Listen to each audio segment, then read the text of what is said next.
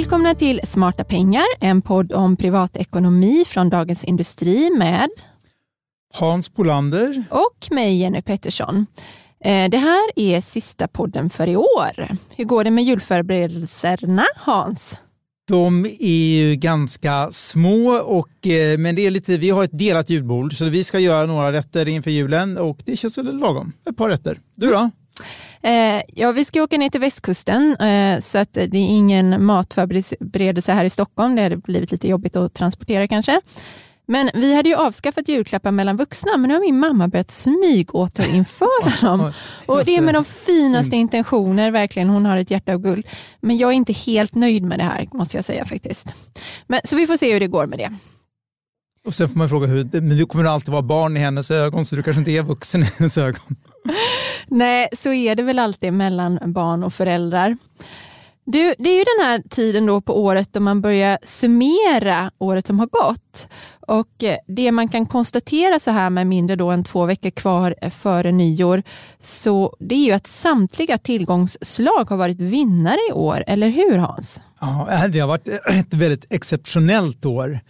Jag fick nys på det här först genom en undersökning när man tittade i amerikanska dollar, för det är lite olika att titta i valutor. Där var det alla större tillgångslag låg över sitt tioåriga historiska snitt. Vi har haft år där allting gått bra, så är det, men att allting ligger över sitt tioåriga snitt, det är unikt. Och vad, när vi säger tillgångslag, vad inkluderar då, vi det då? Då pratar vi om allt från aktier och räntor, olika typer av obligationer, till även fastigheter, råvaror, guld, Eh, det, ja, det, är, det är de vanligaste, men även hedgefonder och, och sådana grupper. Och alla har gått bättre än tioåriga snitt och, och börser och fastigheter har gått bäst med uppgångar på ja, någonstans mellan 25-30 procent för breda index.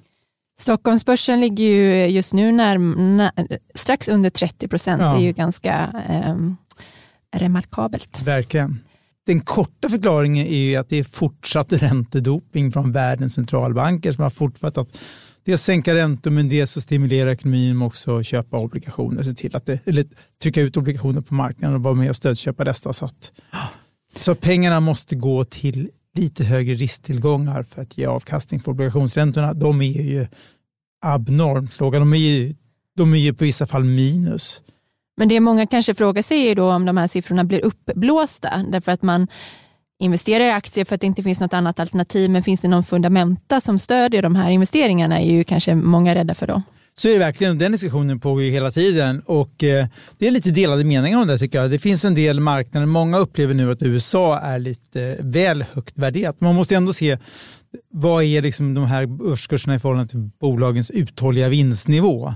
Och då är det många som pekar på att USA är lite väl eh, upp och att de också ligger före i konjunkturcykeln så, här, så de kommer vika ner tidigare än Alltså Europa och Japan upplevs ju inte alls som övervärderas, snarare tvärtom. Så där är det ju många som tror att det kommer bli nästa års eh, vinnare på börsen i europeiska och japanska aktier.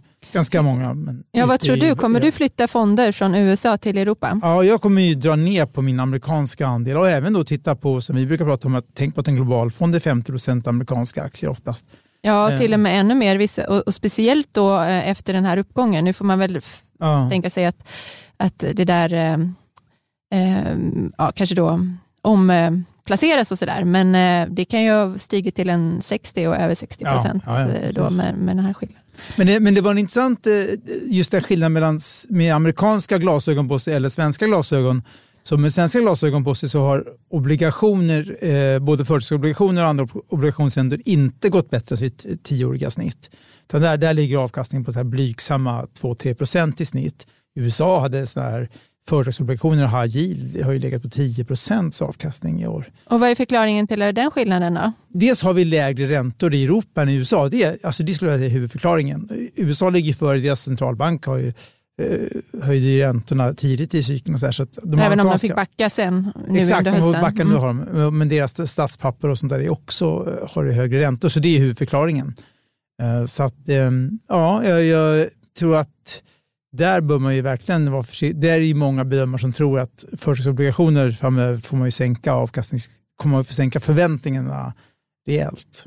Man undrar ju då om eh, hur börsen kommer klara sig nästa år. Vi hade ju Christer Gardell och Harald Mix här i Börsmorgon igår.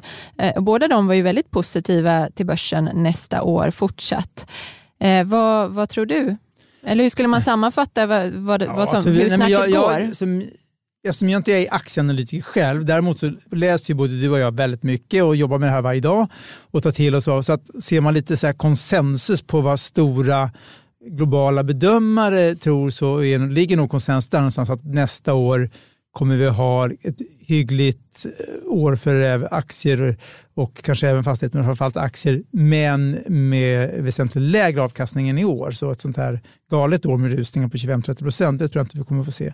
Men sen finns man alltid ha den där brasklappen i att inga analytiker så för, kan ju förutspå de här extrema, de här sakerna som händer oväntat i världs eh, det man kallar geopolitiska risker. Det kan ju bli en ny kris i Mellanöstern. Vad händer det om det skickar upp oljepriset på jättehöga nivåer till exempel? Vi kan ju ha handelskriget kan ju spåra ur totalt igen. Det skulle ju sänka börserna och Kinas tillväxt kan, eh, det kan hända något krisartat i Kina. Att den sänker, det skulle ju också vara en effektiv temperaturdämpare på börserna. Alltså, sådana saker går ju inte att förutse.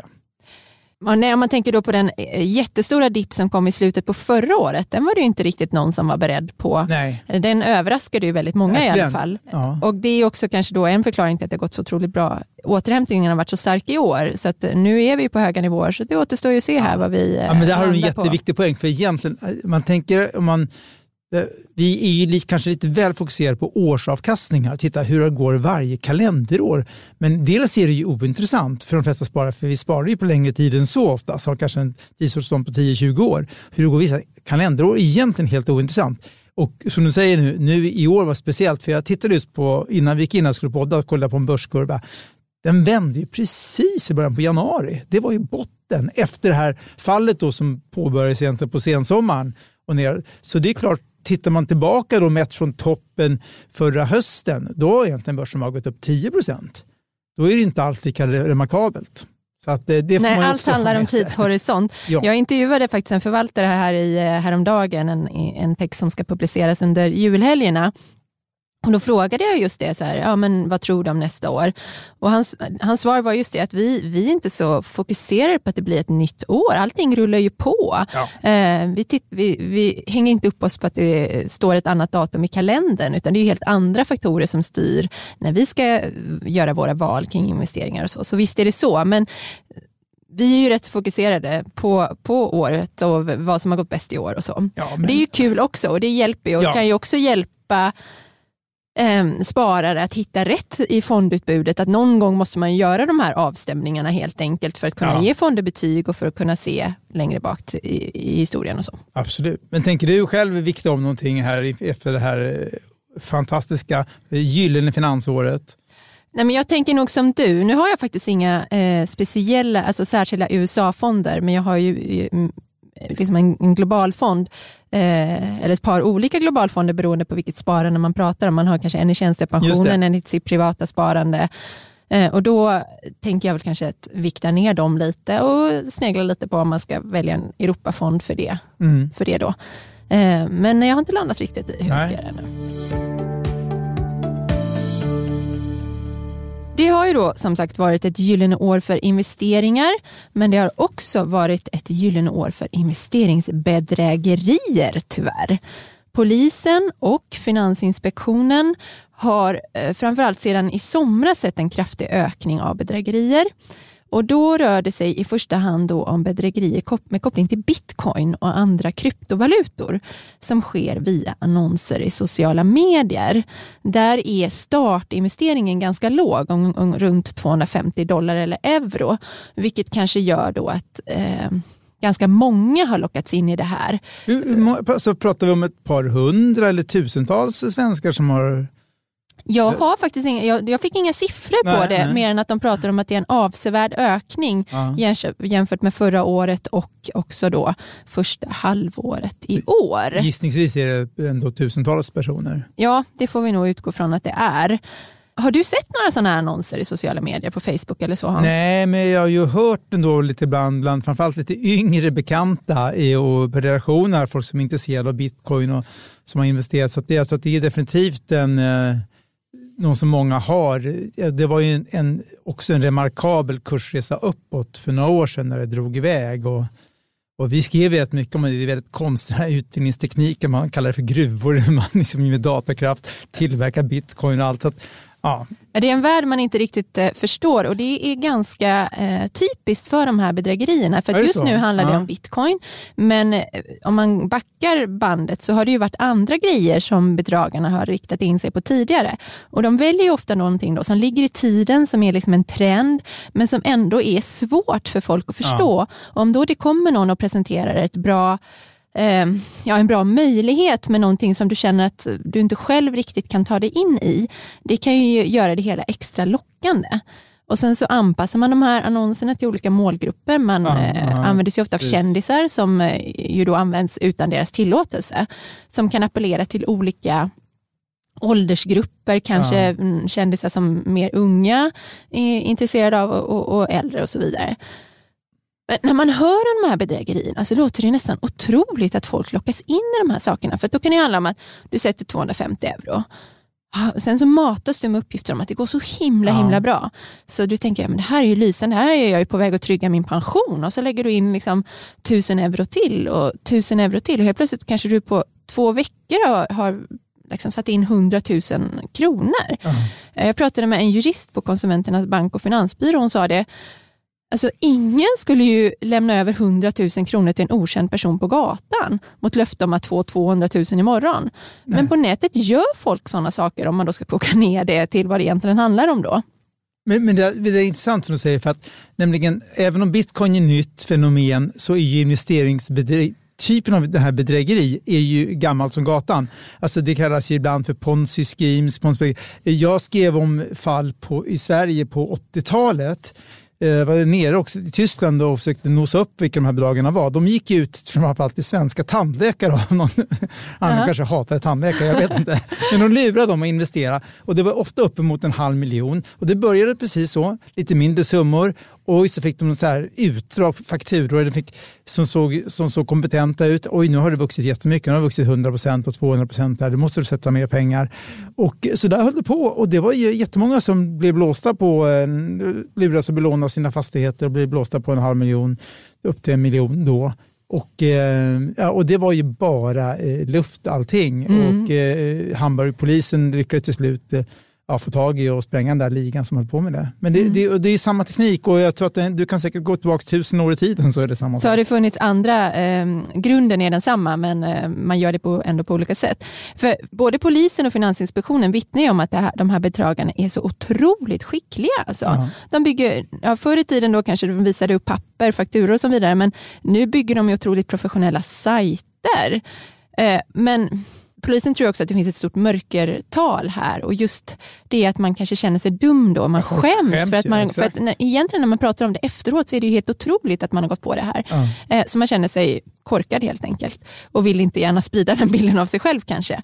Men faktum är att det är långt ifrån bara oerfarna personer som, som går på det här. Utan polisen pratar om, vi har, eller Finansinspektionen säger visst, vi träffar på ekonomichefer, eh, egenföretagare, erfarna investerare som ändå köper det här. Och när man tänker då på att snittsumman för ett investeringsbedrägeri, vad folk blir av med, är en halv miljon kronor men med väldigt stor ja, spridd. Då. då kan man tänka sig att några kan ju handla om flera miljoner kronor.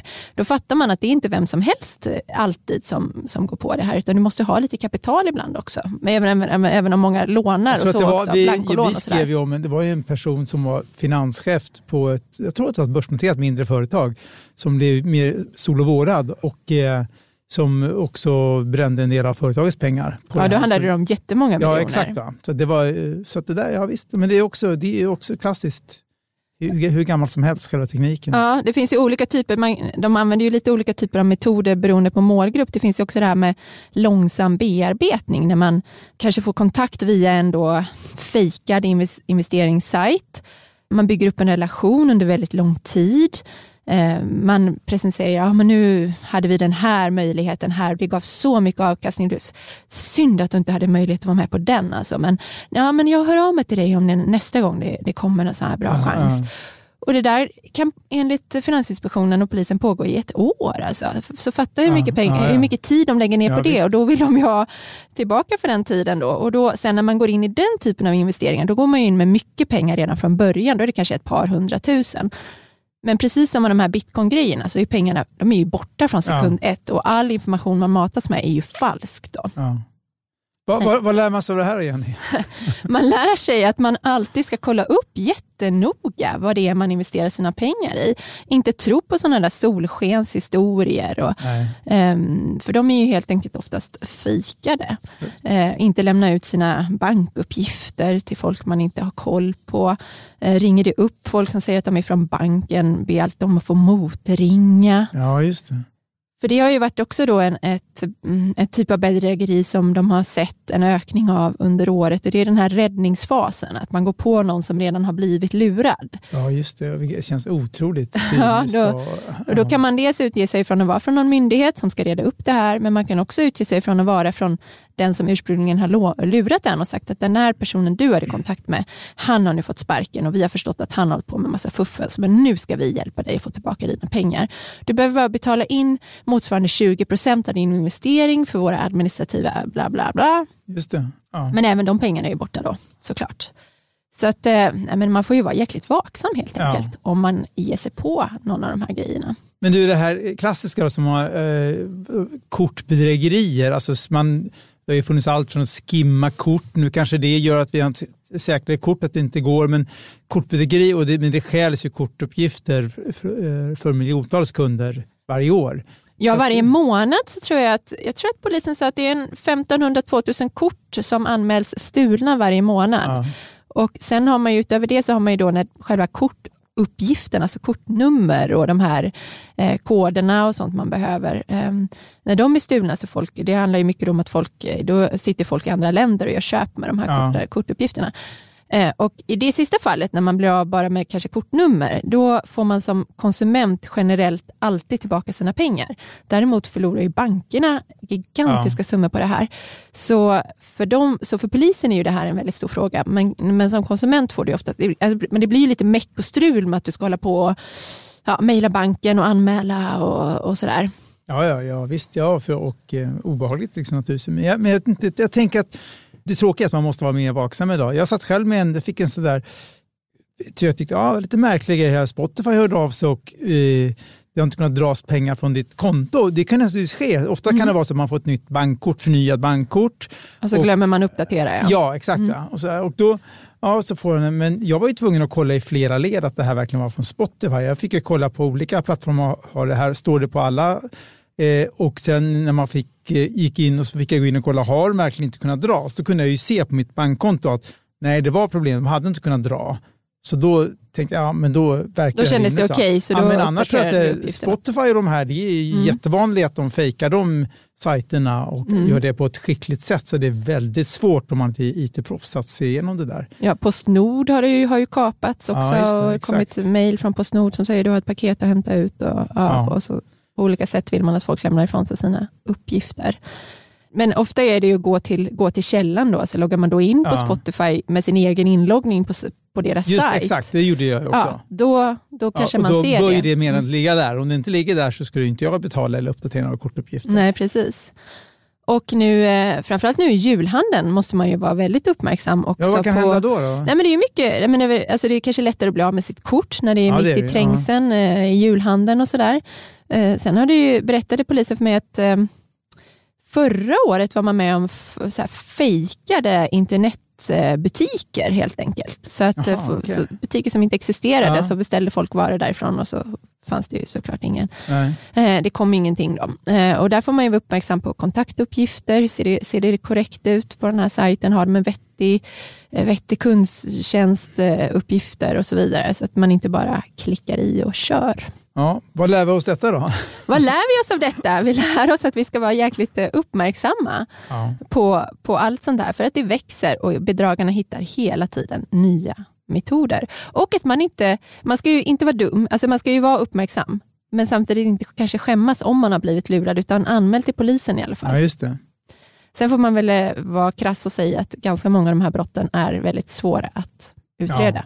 Och man kanske inte kommer få pengar tillbaka. Nej, och det här gamla devisen också, är något, låter någonting för bra för att vara sant så är det sannolikt intressant. Om du får ett jättebilligt pris på vissa märkesvaror till exempel på någon sajt, ja då kanske det handlar om en, eh, en antingen ett, en bluffsajt eller två så är det inte de där märkeskläderna för det kanske är kopior då. Piratkopierat, ja, precis. Så att jag, jag tror att det där med, med, med sunt förnuft och lite viss skepsis så klarar man sig. Men sen tror jag också att alla kan verkligen eh, åka, råka illa ut. Så det hoppas vi inte att ni gör i eh, julhandeln Nej. eller någon annan gång heller. Eh, och med det säger vi hej då för den här gången och det här året. Missa inte att skicka in frågor till vår spalt som vi har i tidningen på lördagar. Nu har frågespalten tagit jullov men den är tillbaka efter helgerna. Och mejlen är öppen hela tiden så det går bra att höra av sig redan nu för svar i början på nästa år då om saker som rör privatekonomi. Smartapengar.di.se är mejladressen. Smarta pengar redigeras av Umami Produktion. Ansvarig utgivare är Peter Fällman. Med det tycker jag vi önskar god jul och gott nytt år till alla god, lyssnare. God jul! Hej då! Hej då!